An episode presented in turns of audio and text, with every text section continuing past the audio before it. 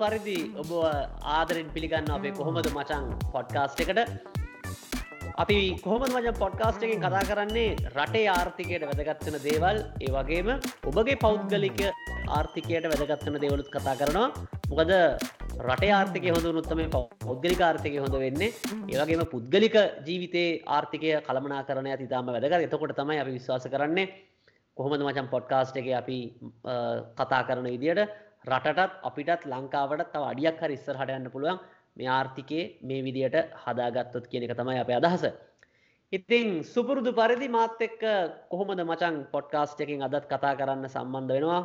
නවසීලන්තේ ඕක්ලන්ඩුවර ඉදලා මගේ මිතුරු මචන් කොමද මචන් කොහොඳ වාශා හොඳින් ඉන්න මෙහේ අර ගිය පාරත් අපි කතා කරා වගේ ඇත්තටම මේ කිසිම ප්‍රශ්නයක් නෑ කොරෝණ අපිට නැහැ වගේ ආයත් කියනවා එක ඉතිං ඒක නිසා අපි සාමාන්‍ය පරිදි ඉන්නවා. ඉතිං නමුත් ලංකාවනං එහෙම මෙහින් ආන්දෝලන ආත්මක මාතෘකා කීපයක් යන බවදේ පේනවා.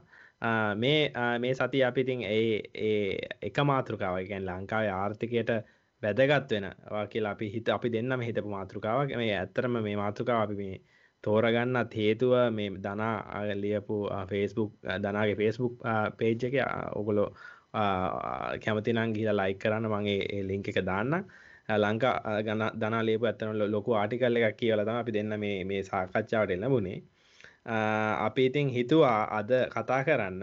මේ කොළඹ වරාය ඇති වෙලා තියෙන තත්ත්වය අර අලුත් ටර්මිනල් එක ඉන්දියාවට දෙනවද චීනයට දෙනවද කියන කතා බහ ඔස්සේ අපේ කතාගෙනියන් අපි හිතුවා. ඉතින් ආරම්භයක් විදියට දනා මොකද හිතන්නේ? එක ගැන මේ මේ අපි තම දැ මේ වරාය මොකක්ද මේ ලංකායි වැදගත්ම වරාය අපිට? මේක ඇයි වැදගත්වෙන්නේ මේකේ මොනවද මේක බිස්නස් පැත්ත? අපි නොදන්න පැත්ත ගැන කතා කරන කියලා මහිතන හොඳ ප්‍රවේශයක් ගන්න පුලන් නෙදන ඕමසං ලෝකේ ඕනම නගරයක් නැත අපි කියන දියුණුවෙන නගරයක් තියෙනවනං එකනේ වරායක් තිබීම නගරයකට දියුණුවෙන්න්න හොඳ අවස්ථාවක්. මතර ලංකාවත් එක තහවරල තියෙන අපේ කොළඹ වරාය ආශ්‍රිත තමයි කොළඹ නගරයම සම්පූර්ණය පිහිල්ල දෙන්නේ ඉතින් ඒ නිසා තමයි අපේ අනිත් ප්‍රදේශවලට වඩා මං හිතන්නේ කොළඹ දියුණු. ඒ වගේම විශේෂයෙන් මේ දිනවල කතා වෙන පෝට් සිටි එක සම්බන්ධනොත් පෝට් සිටි කියලා කියන්නේම මේ වරාය නගරය වරායත් එක්ක ළඟම තියෙන නිසා තමයි මේ ආනයන අපනයනවලට ව්‍යාපාර කටයුතු වලට භාණ්ඩ ප්‍රවාහණයට ළඟ නිසා තමයි මේ වරායක් තිබුණාම ඒ ආශ්‍රිත ප්‍රදේශ සංවර්ධනය වෙන්න තියෙන අවස්ථාව ඉතාමත්ම වැඩි. පාරවල් හැදෙනවා ස්කෝල හැදෙනවා වැඩ කරන මිනිස්සුන්ට තවත් රැකිය අවස්ථා හැදෙන්න්න ඕන කෑම කඩ එන්න ඕන. ඉතින් ඒ නිසා තමයි ඔය විශාල වශයෙන් වරායක් තිබුණට පස්සේ ඒ ආශ්‍රිත ප්‍රදේශ ඉතාමත්ම ඉක්මනින් දියුණු වෙන්නේ. කොහමුණත් මේ කොළඹ වරාය නැගෙනහිර පර්යන්තය ගැන මචන් මේක අවුරුදු ගානක් තිස්සෙන කතාවක්. අපි මෙතන පටලව ගන්න මහිතන බොහෝ දෙනෙක් එකක්නට එක මත තියෙනවා. මං අපි හැම මතයටම ගරු කරන්නන මොකද මේ ප්‍රශ්නය ඇත්තරම පැති කහිපයකින් බලන්න අවශ්‍යයි. නමුත් අපි මේකද මූලික වශයෙන් ම මුලින්ම මේ පලවිනි කතාවද මචන් බලාපොරොත්තුවෙන ඇතරම මේ වරාය සහ මේ කන්ටේන ටර්මිනල් ඔපරේෂන් එක ගැන මගේ දැනුම පොඩ්ඩක් බෙදාගන්න ම මේ වරාය සම්බන්ධයෙන් වරායවල් වැඩ කරපු එම දෙයක් නෙවේ මේ තොරතුරු සහ දත්තම තමයි කතා කරන නිසා කාටහර හිතනවනම් මීට වඩා වෙන සදසක් තියෙනවා. මීට වඩා අපි නොදකපු පැත්තක් තියෙන වෙනස් පැත්තක් තියෙනවා කියලා ඕනම වෙලාක සුපුරුදු පරිදි කොහොමද මචන් පොඩ්කාස්ට් එක විවෘතයි ඒ ගැන සාකච්ඡා කරන්න. දැන් මේ වරාය තියෙනවා වරාය තියෙනවා මේ පර්යන්ත කන්ටේනර් ටර්මිනල්ස් කියලා. ඉතින් මේ ලෝකේ හැම වරායකම තියෙන්නේ කන්ටේනර් ටර්මිනල්ස් නෙමෙයි. ඒ කියන්නේ වරායේ සමහර දැන් අපි ලංකාවේ කොළඹ වරාය වැඩි වශයෙන් තියෙන කන්ටේනර් ටර්මිනල් තව ටර්මිනල් වර්ග තියෙනවා. LNG ටර්මිනල් කියලා තියෙනවා. කාගෝ ටර්මිනල් කියලා තියෙනවා. මම දැන් මේ ප්‍රස්ථාරය පෙන්න්නන්නේ කොහොමද ලෝකේ කාලයක්ත් එක්ක මේ අපි ගැන මේ සීබෝන් ට්‍රේඩ් එක කටේන ටර්මිනල් වලට මුළු ලෝකෙම ගත්තු සියට දාහතක් දහටක් තමයි කටේන ටර්මිනල් ට්‍රේඩ් එක තියෙන්නේ. හැබැයිති ලංකාවේ කොළඹ වරාය ගත්තොත් මේ කටේන ටර්මිනල්ස් කිහිපයක්ම තියෙනවා. ඒකෙන් තමයි අපේ කොළඹ වරාය ලෝකේ මහිතන කාර්යක්ෂතම වරායල් පලවිනි තිහ ඇතුළේ තියෙනවා කොළඹ වරාය මොකද අපි පෙරාපරදික මුහුදු මාර්ගය ඉන්නේ ඒ නිසා කොළඹ වරායට විශාල අවස්ථාවක් තියෙනවා මේ මුළු රටම දියුණු කරගන්න මේ වරාය ආශ්‍රිතව. නමුත් දැන් අපිට වෙලා තියෙන්නේ අපි මේ වරාය ගත්තොත් එහෙම මචා මේ වරාය සම්පූර්ණ අයිතිය තියෙන කොළඹ ශ්‍රී ලංකා වරාය අධිකාරියට. ඉගැන එක නිකං ඉතුරුව ටර්මිනල් ඔපරේටස්ලා ඔක්කොමල් ඇවිල්ල ඉන්න වරාය අධිකාරයේ අයිතිය තියෙන භූමි. රෙන්ටකට කොට හරියට රෙන්ට් එකට ඉන්න. තොට මේ එකක ටර්මිනල් එක කට්ටියට රෙන්ට් එකට දීලා තියෙනවා. ඉතින් ඒ අතරේ වැදගත් දෙයක් තියෙනවා මේ නැගෙනහිර පර්යන්තය වඩා වැදගත්. මේක ගැඹුරු වරායක්. දැන් ගැඹුරු වරායක් කියලා කියන්නේ සාමාන්‍ය මීට දාහතක් දහටක් විතර ගැඹුරු වරායක්. ඒ ගැඹුරු වරායක් තිබ්බහම වාසියක් තියෙන මොකද ඉතා විශාල කටේනර් පටෝපු නැව්වලට මේ ගැඹුරු වරායට එන්න පුළුවන්. ඉති විශාල කටේනර් පටෝපු නැව්වෙද්දි එක බිස්නස් වලට ලාබයි මොකද එක කටේනර එකක් පරිවහනය කරන්න යන වියදමාඩුයි. මොකද පොඩි නැවක්කාවොත්තේ මෝකේ දාන්න පුළුවන් කටේනර අට දහක් දහදහක් විතර. නමුත් මේ ලොකු නැවක්කාවොත් මේක කටේනර් පෙට්ටි අපි කියන්නේ ටස් කියල ගැන 20 ෆුට ඉක්විල ඉක්විවලන්ස් කියලා. ඒවගේව දොළොස් දස් පන්සියත් දහට දහක් වගේ දාන්න පුළුව ඉති නැව් විශාල නැව්. එන්න අවස්ථාවත් තියෙනවා. ඉතින් කොළඹ වරාය වගේ පර්යන්ත දෙකක් තියෙනවා. එකක් තමයි නැගෙනහිර පර්යන්තය. අනිත්තක තමයි CICT එක. කළම්බෝ කළම්බෝ ඉන්ටර්නශනල් කටේන ටර්මිනල් කියන එක. ඉති මේ කළම්බ ඉන්ට්‍රේශනල් කටේන ටර්මිනල් කියන එක අයිතිය තියෙන්නේ චයින චීනයට අයිති සමාගමකට. සියට අසූ පහක්. එක රෙන්ට් එකට දීලා තින අවුරුදු තිස්පහකට දෙදස් දහතුනේ ඉදලා එතකොට අනිත් ගැඹුරු වරාය තමයි නැගෙනහිර පර්යන්තය ඉති ඒගන තමයි මේ දිනට සාකච්ඡා ඇතිවලා තියෙන්නේ. එතට කොළඹවරාය තවත් පර්යන්ත කිහිපයක් තිබෙනවා. ජය බහලුම් පර්යන්තය කියලා තියෙනවා. ඒක ඇවිල්ල නොගැඹුරු වරායක්. ඒක සම්පූර්ණ අයිතිය සියට සියම අයිතිය තියෙන්නේ ශ්‍රී ලංකා වරාය අධිකාරයට. ඒවගේම SAGT කියලා තියෙනවා සෞත් ඒෂයා ගේට්පේ ටර්මිනල් කියලා. ඒක බහුතර කොටස් ප්‍රමාණයක් අයිති ජෝන් කීල් සමාගමට. මහිතන සියට හතලිස් දෙකක්. තව මර්ස් කියලා අන්තර්ජාතික නැව් සමාගම් කටයුතු කරන අතන මත තව සියට විසිහයක් වගේ තියෙනවා. ඒවගේ මේව ග්‍රීන් කියල තව සමාගමකට තියෙනවා. මතන පෝත් සිටියකටත් යම් කිසි කොටස් ප්‍රමාණයක් තියෙනවා. ඒවගේම අපිගත්තොත් එහෙම යුනිටි කටේනට මිනල් කියල තව එකක් තියෙනවා. ඒකෙත් සම්පූර්ණ අයිතිය තියෙන්නේ වරාය අධිකාරයට. එතකොට දැම් මේ නැගෙනහිර පර්යන්තය දැනට රජ යෝජනා කල්ල තියෙන විදිට සියට හතලිස් එකක් අදානි කියන සමාගමටත් සියට හතලිස් සමයක් අදානි කියන සමාගමටත් සියට පනස් එකක් පෝට් නැත ශ්‍රී ලංකා වරා අධිකාරයට තියාගන්නවා කියල තමයි දැනට මාධ්‍ය වාර්තා පලවෙන්න කොමුණත් මචන් අවසාන වශය මේ පලවිනි වටේදීමට කියන්න මේ කටේන නැත මේ ශිපින් බිස්වස එකක් වෙනස් බිස්නස එක තැන් කටේන ටර්මිනල් එකට නැවක් ගෙන්න්න ගන්න ප්‍රධාන සාධව දෙකක් බලපානු එකක් තමයි වරාය නතන් ටර්මිනල් එක කාරක්ෂම වෙන්න ඕක ඇවිල්ලා මේ තැවිල් ඇතවිල් ඇතවී හට මේට හැරිහරි ඉන්න බෑ. ආපු ගමන් මේ අපි කියන්නේ බහලුම් ඉක්මන්ට කටේනර එකෙන් බාලා නැවත පටවනේව ඉක්මට කරන්න නො මොකද අපේ තියෙන ඇත්තම ට්‍රන්ස්ශිප්මන් එකන ලොකු නැව්වලින් ඇවිල්ල පොඩිපොඩි නැව්වලට කටේන පෙට්ටි බෙදනවා. මොකද ඉන්දියාව තමයි අපේ ප්‍රධාන වෙළඳ පොල සියට හැත්තාවක් බිස්සස් අපිටෙන්නේ ඉන්දියාවෙන් මොකද ඉන්දියාවේ ජනගහනය වැඩිය නිසා ඉන්දියාවට යන නැව් විශාල ප්‍රමාණයක් එන්නේ ඒ හරහා. ඉතින් ඒක නිසා ඔය නැව් හට මෙට වෙන තම මූලික වශයෙන් මේ කටේන හට හට වෙන තම මූලික වශයෙන් තොඩි ඉක්මට මේක කරන්න පුළුවන්ගන්න තර කාරක්ෂමතාවය ඉතාමත්ම වැදගත් සාධකයක්. ඇත්තරම මම ප්‍රස්ථාරයනුත් පෙන්න්න අපිට බලන්න පුළුවන් ඩිස්ක්‍රපෂන් එකයි නැත්තම මේ වීඩියෝ ගැන අතරද. ඇත්තරම CICT එක ඇතන් චයින ඉන්ට්‍රේෂනල් කළම්බෝ ඉන්ට්‍රේෂනල් කටේන ටර්මිනල් එකාවට පස්සේ ඔය අපේ කාර්යක්ෂමතාව ඉතාමත්ම වැඩි වුණ. දැන් දැනටමත් ඇත්තටම මිලියන හතකට වඩා වැඩි ප්‍රමාණයක් අපි අවුරුද්ධකති හසුරුවනවා මේ TITUස් ඒකෙන් වැඩිම ප්‍රමාණයක් හසුරුවන්නේ චයින නැත්තම් මේ CICT එක. එකට එක හේතුවක් එකටෙන ලොකු නැව්. අනිත්තක එක කාරක්ෂමතාවයක් වැඩි. SAGT එක කාරක්ෂමතාවයක් වැඩි. ඉතින් කාරක්ෂමතාව වැඩිවුණ තරමටම වැඩිපුර ටර්මිනල් මේ කටේන සේටමට හරවන්න පුලන් එතකොට තමයි වරායාධිකාරයට හැමෝටම වැඩිපුර ලාභයක් එන්නේ. ඒක තමයි ටර්මිනල් එකකට ගන්න ටර්මිනල් එහෙර නැවක් ආකර්ශණය කරන්න තියෙන එක සාධකය අනිත් සාධකය තමයි මසන් ඔය නැව් ඔක්කොම ඇත්තර මෝකට එන්නේ මූලික වශයෙන් අපි කියනවා මේ සම්බන්ධතා මත. එති සම්බන්ධතා ගැන ටර්මිනල් ඔපරේටර්ස් ලයි හැමෝම අපිගෙන ශිපිං අලයන් සිදියට ඉන්නේ ඒ නැව් සමාගක් කීපයක් එකට එකතු වෙලා ඒගොල්ලොන්ගේ ව්‍යාපාරවල කොටස් තව ව්‍යාපාරවල ආයෝජනය කළ. එතකොට පොඩි රිලේෂන් ශිප් එක මත විශ රිලේෂන් ශිප් එක මත තමයි ගොලු ටර්මිනල් එක තෝරගන්න. ඉතින් ඒ වගේ දැන් ඔය හම්බන්තොට වරා ඇත්තරම ඒකත් ඔය චීනය සාර්ථකව කරන්නේ ඒගොල්ලොන්ගේ තියෙන ශිපිං ලයන්සස්වල නැව් නිකම් ඒගොලොන්ට ගෙන්න්න ගන්න පුළුවන් හම්බන්තොට වරායට. ඉති එතකොට තමයි එහා සම්බන්ධව මේ විශාල වශයෙන් නැව් ගෙන්න්න ගන්න පුළුව ලාබ ලබන්න පුළුවන්. ඉති මේක නෙට්වර්කින් බිස්සස එක ඉතින් ඒක තමයි දෙවනි කාරණය. ඕඩම ටර්මිනල් එකට ගෙන්න්න ගන්න නෞකාවක් ගෙන්න්න ගන්න. ඔය කාරනාටික තම මචන් මට මූලික වශයෙන් කියන්න තියන්නේ. මං කැමති විශේෂම වායින ඕක්ලන්් වලත් තියෙනවා පෝට් එකක්. ඕක්ලන් පෝට් එක පෝට් එක. ඒකන කොහොමද මජන් තත්වේ ඔව ඇතරම ඔක්ලන් පෝට් එකත් කැනෙ අර ඉස්සල කතා කරා වගේ මේ ඕනම ගොඩක් ලං මේකැන් ලෝකෙ ගොඩාක් පරණ සහ ගොඩක් ප්‍රසිද්ධ මනා දෙකට කියැනේ මේ නගර ඇති වෙලා තියෙන්නේ මේ මේ වෙළඳාම සහ පෝට් එකක් කාශ්‍රිත ඒකැන දැන් හොඳ මුදාහරණය තමයි කොළඹ. ඊළඟට ඔක්ලන් සිටිය එක. ඊළඟට ඊළඟට සිඩ්නී ඔය වගේ ලෝකෙ වටේ බැලූහාම වරායවල් තියෙන නගර සෑහෙන්න කැනෙ ලොකු වෙලා මේ කැනේ පස්ස මිනිස් ඇවිලා සෑහෙන පදිංචි වෙලා මේක දියුණු වෙලා තියෙනවා. ඉතින් ඔක්ලන් සිට ඔක්ලන් වරාය ගැන ම බලන්න විශේෂ හේතුව තමයි මං බැලුව මේ ඔක්ලන් වරායේ කවුද මේ ඔයිට මිනස් හැඩල් කරන්නේ කවුද මේක අයිති කැන වෙන කාට හරි දීලා තියෙනවද කියලා. ඉතිං ඉතින් ඇත්තරම ඒගොල්ල එක පාවිච්චි කරන්න ඒකට අයිති ඇතන ඔක්ලන් කවන්සිල් එකට.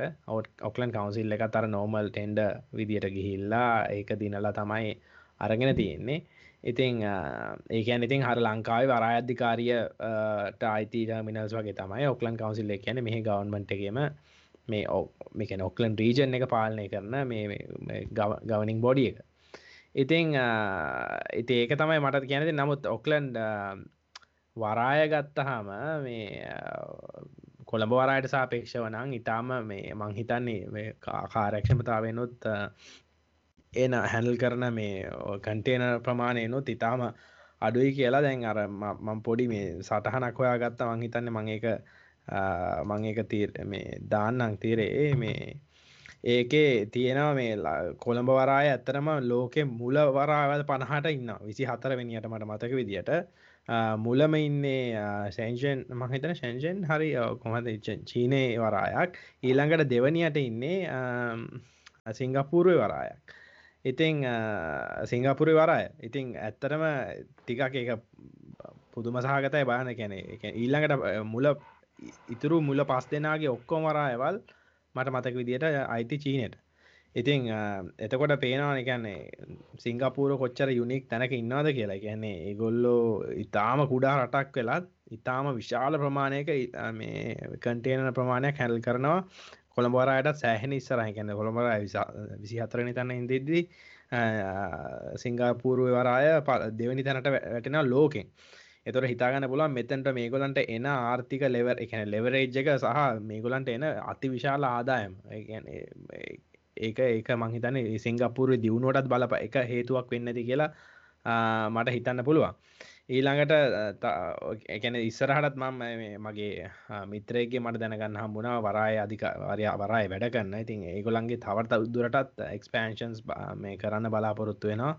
මේ කාරක්ෂමතා ගොල තවදුරටත් ඉස්සරහට ගෙන බලාපොරොත්තු වෙන ඉලාට ම පොඩි මැප්පෙකුත් මේක පෙන්න්නම් මේ මේ එකැන මේ ශිපිං ලයින්සල කොච්චර බිසිීද ලංකාව ඉන්න තැන කියලා. ඒගැන ඔගලන්ට මේ කැන මේ වගේ මෑප්ස් බලාගන්න පුල ඔන්ලයින් කියල ටයිප් කරන්න නිකං එයා ලයින් මැප්ස් ඊළඟට ශිපිං ලයින් මැප්ස් තියෙන ඕන තරම් බලන්න. ඒගැනේ අලයින්ස් කොහොමද යන්නේ? මේ ශිපිං ලයින්ස් කොහොමද වැඩ කරන්නගේ ලංකාව තියෙන ඒ වගේ ඉතාමත්ම හොඳ ඉතාමත්ම ඉතාමත්ම කාර්ය බහුල මේ පාරක තමයි තියෙන්නේ. හරි නිකන් අර ශිපිං හයිවේ එක වගේ තමයි ලංකාව තියෙන් ඉතින් මේකෙන් ඉතාම හොඳ ප්‍රයෝජනයක් ගන්න ඕන කියලා මට හිතෙනවා. ඉතිං ඊළඟට අපි කතා කරන්න මොකක්ද මාතෘකාව දනා ඕමසං දැන් ඔය නවසීලන්තෙත් ඒක එතන විතා වැදගත් දෙයක්. මේ නවසිලන්තෙ පෝට් එක ඔපරේට් කරන විදිිය. ඔය ගොඩක් වරාවල් ඇත්තරම කරන්නේ එකන පෝට් එක අයිතිය රජයට තියාගන්නවා. හැබැයි ඔපරේට තමයි රෙන්ට අව් කරන්න. ඇත රෙන්ට එකට ඉන්න දෙන්නේ. ඔය දැන් මම එක පාර ගියා සියටල් පෝට් එකට. එකෙත් බොහෝදුරට තියෙන්නේ ගැන සියටල් මේ සිටි කවන්සිල්ල නැත සියටල් ඒ ගොළගේ ස්ටේට් එකට තමයි පෝට් එක අයිතිය තියෙන්නේ. හැබැයි ටර්මිනල් ඔපරේටස්ල පුද්ගලිකාංශයට බාර දෙනවා ටර්මිනල් එක ඔපරේට් කරන්න. මතන හම්බන්තොට වරායද මගේ දැනුම නිවැරදිනම් එතනද ඇත්තරම සිදුවනේ මුළු පෝට් එකම තමයි මහිතන අපි හම්බන්තොට දිග කාලීන ලීසේකකට පැවරුවේ. ඉතින් ඒක තමයි මෙතන තියෙන තත්වේ දැන් අනි පැත්තෙන් මසන් දැන් සාකච්ඡා කරන්න ඕන ඇත්තරම මේක මේ සියට පනස්ස එකක් ලබා දෙන එක සාධාරණද නැද්ද කොහොමද කියලා මේක දේශපාලන කරුණු කාරණත් ගොඩක් තිබෙනවා නමුත් තාක්ෂණයක කාරණ. දැ මගේ නම් මත ඇත්තට මුණේ රජය ව්‍යාපාර කරන්න ගිහිල්ලා අපි කියන හොම්බ බිමෑන ගන්න අවශ්‍යතාවයක් නෑ මේ ඒක කරලා අපහසුයි. මොකද මේක තරඟකාරී දෙයක්. විශේෂයෙන්ම මේ බෝම ඒක තේරුම මේ රජයට තරඟකාරී එකන තරඟකාරී මිනිස්සු ලංකාවෙන හැකිෙන නෙවේ පෞද්ගලිකාංශයෙන් මොක කරත් ලංකා මිනිස්සුම තමයි පාවිච්චි කරන්න. යොක දැ උදාහරනකද සේජට ටර්මිනල් එක ජෝන් කිල් සමාගම විශාල වශයෙන් ඉන්නේ. ලංකාව පිරිස්. කොටිම මහිතන CICT එකෙත් චීන ජාතිකය හිටියට ශ්‍රී ලංකාව පිරිස්සම වැඩ කරන්න. ඉතිනකට ඔවුන්ට වැඩි ආදායම කුපය ගන්න පුළුවන්. ඒ වගේ වාසිතය නමකද රජය බිස්සස එක කරන්න ගියට පස්සේ මං හිතන්නේ ඕක ඇත්තරම ඕක ගැටලු කිහිපයක් තියෙන මං ඒකන කතා කරන්න සමාගමක් තෝර ගනිද්‍ය අදානි සමාගම සම්බන්ධයෙන් සහ මේකේ බදු සහන සම්බන්ධයෙන් ප්‍රශ්න කිහිපයක් තියෙනවා. නමුත් සමස්තයක් විදිර ම හිතන්න ඇතර මේක රජතියාගෙන මේක රජයට කරන්න අමාරුයි. එනිසා මේක පෞද්ගලිකාංශයට පවරන්න ඕන කියලා.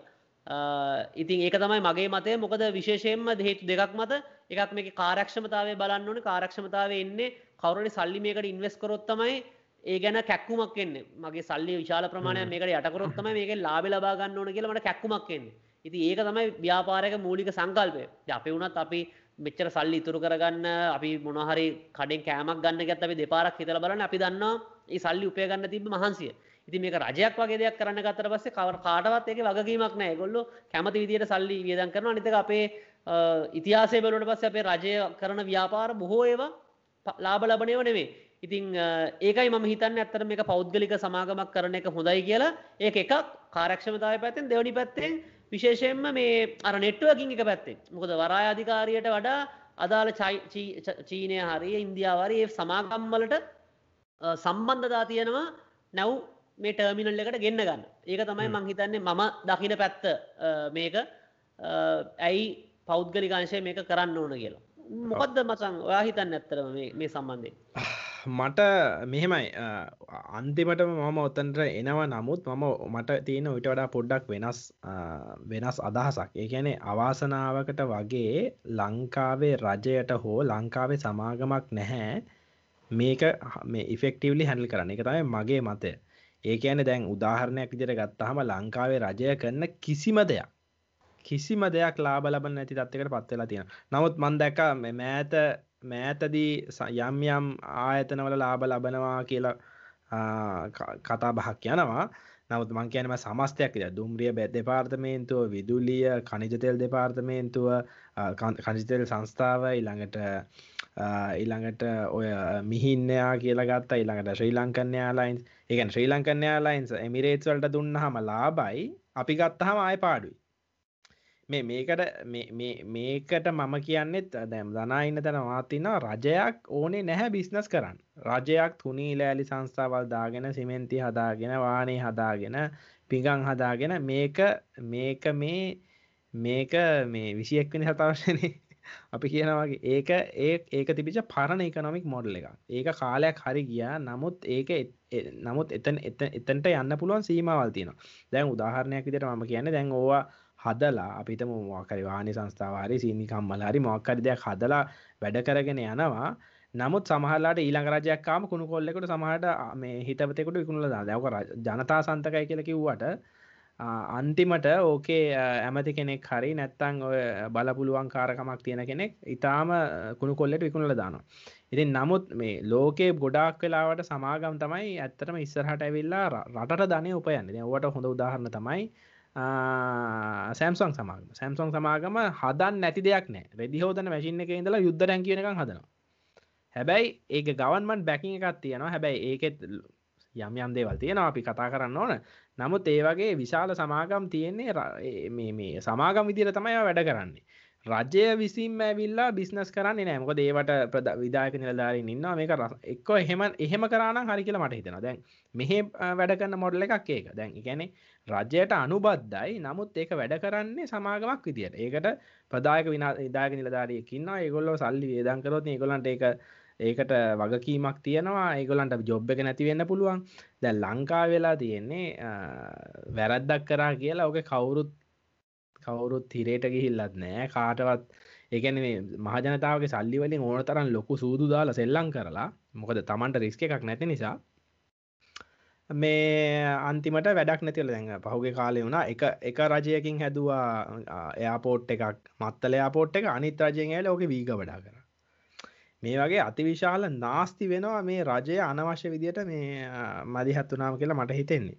මේ ඉතිං ඉතිං ලොකු කතාවක් එකෙන් ලොකු දිගට යන්න නැතුව කිව්වොතින් මම හිතන්නේ මේක අපේට නොහැකි නිසා දුන් දෙන්න දෙය යුතුයි. නමුත් මේක සද්භාවයෙන් කරන්නවන රජයට කරන්න පුළුවන් හොඳම දෙයක් තමයි මේක තියාගෙන ඔපරේට් කරන්න පුළුවන් මොකද ම හිතන්න දැන් අපි මේ ශිපින් ලයින් එක බැලුවම ලංකාවේ විසි හතරට තියෙන එක ඉන්වස්මන්ට එකක් කරලා ඕක අපිට මුල දහයට පහලවට මුල දහයට නැත්තං පහට වගේ ගන්න පුළුවන්න අති විශාල මුදලක් මේකින් උපයන්න පුළුවන් මට මගේ පුංචි මොලට තියෙන විදිට මේ ලංකාවේ දැන් තියෙන නයගුලෙන් බේරෙන්න්න නමුත් ඉතින් අපි අර ගොඩක් වෙලාවට කරන්නේ ඕක මේ තව ඕකට අදාල ප්‍රශ්න තියෙනවා. දැන් ඔය දැන් ලංකාවේ මිනිස්සු කොච්චර ඕකේ හරියට වැඩ කරනවාද කියලා ප්‍රශ්න තියෙනවා. යූනියන් පිළිබඳ කියන වෘත්තීය සමිති ප්‍රශ්න තියෙනවා. දැන් ඔතන අපි ඉන්වෙස්ට්මන්ට් එකක් කරලා ඔක ගන්න ගියාම වෘත්තීය සමිතිය වලින් අරක දෙන්න මේක දෙන්න කියලා ඉල්ලනවා. මං කියන්නේ වෘත්තීය සමිතිය වැරදි කියලා නෙවෙයි. නමුත් මේ වගේ ප්‍රශ්න විශාල ප්‍රමාණයක් තියෙනවා ලංකාවේ මේ අපි කල්පනා කරන්න ඕන. ඒක නිසා මම හිතන්නේ ඕක එක අත්තකට හිතෙනවා මට මටත් මේ දනාගේ කතන්දරයට මයිකගයි නමුත් අර අර පොඩි ටවිස්ට එකක් එක්ක. ඒක කරන්න පුළුවන්න අවංක රජයක් හිටියන මේක තියාගන්න ඕන හොඳම තැන. මොකද ඒකින් විශාල මුදලක් උපයගන්න පුළුවන් ඩිරෙක්ලි නමුත් කරන්න බැරි නිසා දුන්නට කමක් නැහැ. හැබැයි දෙන එකෙත් මම හිතනවා පොඩි ප්‍රශ්න තියනවා. එකන දැම දෙන සමාගමට සම්පූර්ණයෙන් ටැක්ස් ්‍රීදීලා කිසිම ආදායමක් රජයට නැතුව මේක දුන්නයි කියලා ජනතාවගේ දේපලෙන් කිසිම වැඩක් වෙන්න නැද්ද? එක ඒක අපරාධයක් නේද? එන්න ඒ වගේ ප්‍රශ්නත් තියෙන අපි කතා කරන්න ඕනේ. ඉතින් මගේ මතේ ඒකයි. ඉතින් දුන්නට කමක් නෑ දැන් දැන් තව උදාහරණ තම මස් සමාගම අපි කතා කරා. එක ඩේනිෂ් කම්පනය එකක්. අයිති පවුලකට. එකන පවුල එක දැන් පබ්ලික් ලිටේඩ්න කම්පන එකක්. ලෝක තියෙන සුවිශාලම මේ ශිපින් කම්පනය එක ඉතින් ඒ වගේ කම්පනීස් ඇයි ඇතිවෙන් නැත්තේ? අපි අපි වගේ ආර්ථික මර්මස්ථානයක. ගැන අපිට මේ වාසනාවට හම්පෙච තැනක්නේ. එකැන මේ ගෝලේ තියෙන හොඳම තැනක් අපිට. ගැන කැන අපි මේ දැන් ජපා මේ ඔය ඇමරිකාවයි චීනයි ඉන්දියාවයි හැමෝම මේකට රිංගන්න බලන්නෙත් ඔය ඉන්දියනුසාගරේ නේවල් පාව එකත් පාවිච්චි කරන්න පුළුවන් නිසා ඔය මේ ඔය සමහර මේ පෝට්වල මේ කදර කියන්නේ මේ පාලනය ගත්තාම. ඉති වගේ කාරණා කීපයක් තියෙනවා මේ බලන්න ඕන කියලා මට හිතෙනවා මේ. නමුත් මම හිතන්නේ අර ප්‍රශ්නයට උත්තර ඉතින් දෙන්න වෙනවා. දැම් මේ තියෙන සත්‍යයට අනුව. එකතයි මට කියදී ඇත්තර මසන් ඕක මගේර කමෙන්ට් එක එක්කෙනෙක් අහලා තිබුණා. දැන් ඕක වරහය ඕක දැන් අපි පවරන්න අද්දී ඔතන දැන් අපේ මගේ මමගේ මූලික තර්කය තමයි දැන් ඕක රජයට බිස්සස් කරන්න බෑ මේක හොරකං වෙනවා. ඒ නිසා නම් මේක පවරන්නේ. ඔය දැන් ග්‍රිමන්ට් එක දෙද්දී ඕක ඒකින් හොරකන් කරන්න හොරකාමක් නොකරයි කියලා හිතන්න පුළුවන්ද කියලා. ඒ ඇත්ත අනිවාරෙන් ම එක පිළිගන්නවා එකන ඇග්‍රිමට එක ගහද්දිත් ම කියන මේ පවතින රජය ඕන රජයක්. පැවති ඔයක ඉන්න කවරරි ඔගෙන් යටිමඩි ගහගන්න නවත්තන්න ඇති මගේ තර්කයක්ත් ඒකමයි. ඇග්‍රිමන්ට කෙනුත් සල්ලි හොරකං කරනවා නං මේ ඕක බාර දෙද්දී ඕක ඔපරේට් කරද්දී ඕක හොඳ විදියට කරයි කියලා හිතන්න පුළුවන්ද කියන එක තමයි මගේ මගේ තියෙන අනික් පැත් පැත්ත. ඒක ඇත්තටම ලංකාව තියෙන ඉතාම අවාසනාවත්ත තත්ත්වයක් කියලා මට හිතෙන්නේ. දැන් ඔය ලංකාවේ දැන් තියෙන තත්ත්වය වගේ තමයි නවසීලන්තය අවුරුදු මහිතන්න තියට හතල එදා සමසේ හැත්ත ගනන් වල වගේ තියෙන ඊට පස්සේ ගොල දෙපාරක් ඩීරෙගියලේට් කල තියෙන මේ එකනොමිය එක.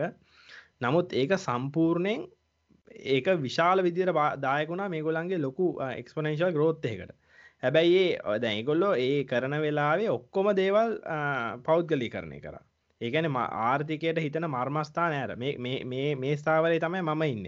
ඒගැන දැයිගොලො පව ජෙනරේෂන් ඊළඟට ඔය වගේ කී කීපයක් කර මහිතන පෝට් හෙම දුන්නේ නෑ. ඒ වගේ ආර්ථික මර්මස්ථාන ඇරෙන්න්න අනිත්තේව ඔක්කොම ඩීරෙගියලේට් කරලා මේ වෙන සම කියන පෞද්ගලික සමාදම්වලට විකුණලා දැම උදාහරණයක් විදිට යා නිවසීලන් ඒක දැන් ලෝකෙට හොඳම තියෙන සමාගමක්. මහිතන රජයට දැනටත් තියෙනවා මේ ෂයස් ඉතිං ඉතින් ඒක පෞද්ගලිකව සමාගමක් විදිය රන්නෙනවා විශාල වශයෙන් ලාබය උපයනවා මේ රටට බරක් නෙමේ දැන් ඒක අනි පැත්ත තමයි ලංකාවෙන්නේ ලංකාවෙන්නේ රජයට ජනතාවට ගන්නවා කියලා තියෙනවා ලංගම කියයි කොහොම ගියත්. අන්තිමට එකන්නේ ඒක වටි එකන සමාගමේ තියනව දේපලවල වටිනාකමවත් නැහැ. මොකද වෙලා තියන්නේ මේක මේ විශාල මේකැන අකාරක්ෂම වෙලා එහම නැත්තන් නොසුදුස්සමේට පත් කරලා කිසිම සුදුසුකමක් නැති කෙනෙක් ඇවිල්ලා ඕකේ පුටුවකට පත්වෙනවා ඊට පසේ කුලන කරන දෙයක් දන්න ඊට පසේ මේ මහා විශාලකට විශාල විනාසකට මේ යනවා. ඉතින් ඊට වඩා හොඳයි මත් හිතන්නේ මේ පෞද්ගලික සමාගමට දීලා අඩුගාන රෙන්ට හරි ගන්න එක.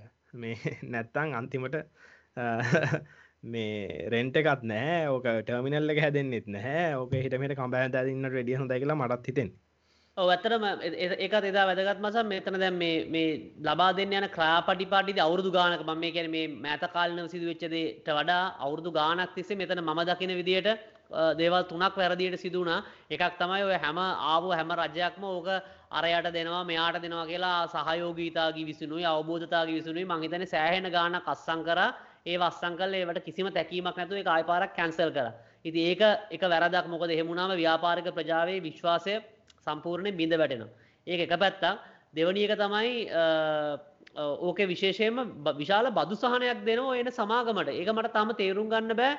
මම කියන අනවශ්‍යතර බදු ගහන්න කියලනේ දැන් ඕක අපි මේ අපිගෙන බිඩිං එකකුත් නැතුව පෝට් එක ඔපරේට් කරන්න දෙනවනම් අපිට ඔපරේට් කරන්න බැරි නිසා ඔපරේට් කරන්න දුන්න කියනගේ තේරුම අපි විශාල බදු සහනයක් දෙන්න අවශ්‍යය කියන කනේ මොකදක ස්ට්‍රක්ටජික් ලොකේෂන් එක ඉති ම හිතන්නේ ඒ සමාන බදු ප්‍රතිපත්තියක් මොනහරි ක්‍රමයක්. මොකද නැත්තං අපිට කිසි දෙයක් ලැබෙන්න කිසි දෙයක් ලැබෙනගෙන අපිට එන්නේ ආර්ථිකමය වශයෙන් එන මේ එක ආර්ථික සංවර්ධනයක් එක්ක එන ඒහා සම්බන්ධ සපෝටිං ඉන්ඩස්ට්‍රීස් වලින් ඉකනොමියකට ඉම්පෙක්ටයක් එනවා විදිට රජයට මහිතන යම්කිසි මුදලක් අයකරගන්න පුළුවන්. ම දන්න බදුවලට අමතරව මහිතන පෝට් එක ලබා දෙනවට යම්කිසි මුදලක් ගෙවන්න ඕන ඇති.